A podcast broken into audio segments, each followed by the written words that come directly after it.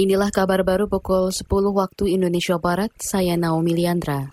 Saudara, di awal pekan ini indeks harga saham gabungan IHSG di Bursa Efek Indonesia dibuka menguat hampir 4 poin ke posisi 6.896.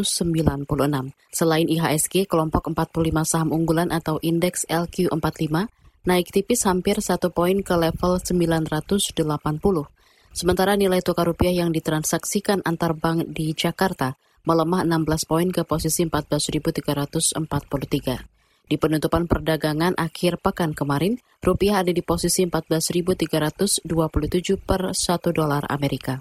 Lembaga Pemantau Independen Lapor COVID-19 menyayangkan adanya belasan juta vaksin yang akan segera kadaluarsa di akhir Februari ini.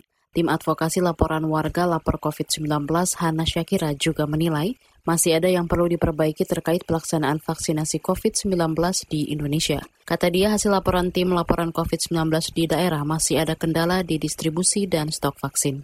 Ada hal yang harus tetap harus diperbaiki meskipun katakanlah pemerintah meyakini capaian vaksinnya sudah baik ya, tapi tetap harus ada yang diperbaiki gitu ya. Ya bagaimana supaya distribusinya itu lancar, tepat sasaran juga dan jangan sampai ada yang kedaluarsa. Kemudian juga terkait sarana prasarana ya yang kurang memadai atau kurang mencukupi, misalkan terkait penyimpanannya yang kurang entah itu misalkan secara jumlah kurang kurang cukup atau misalkan dari segi kualitasnya sendiri. Tim advokasi laporan warga lapor COVID-19 Hana Syakira menambahkan sejak awal tahun ini sudah ada 415 laporan yang masuk ke lapor COVID-19 terkait penanganan COVID-19 di Indonesia. Dari ratusan aduan itu, 24 laporan terkait vaksin di antaranya masalah sertifikat vaksin, kejadian ikutan atau KIPI, distribusi, dan pendataan.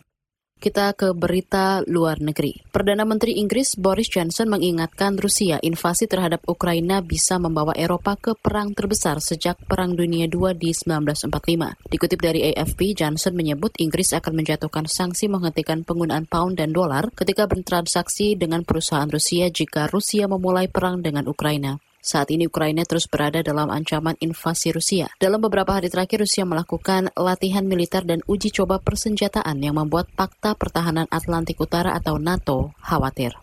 Demikian kabar baru KBR, saya Naomi Liandra.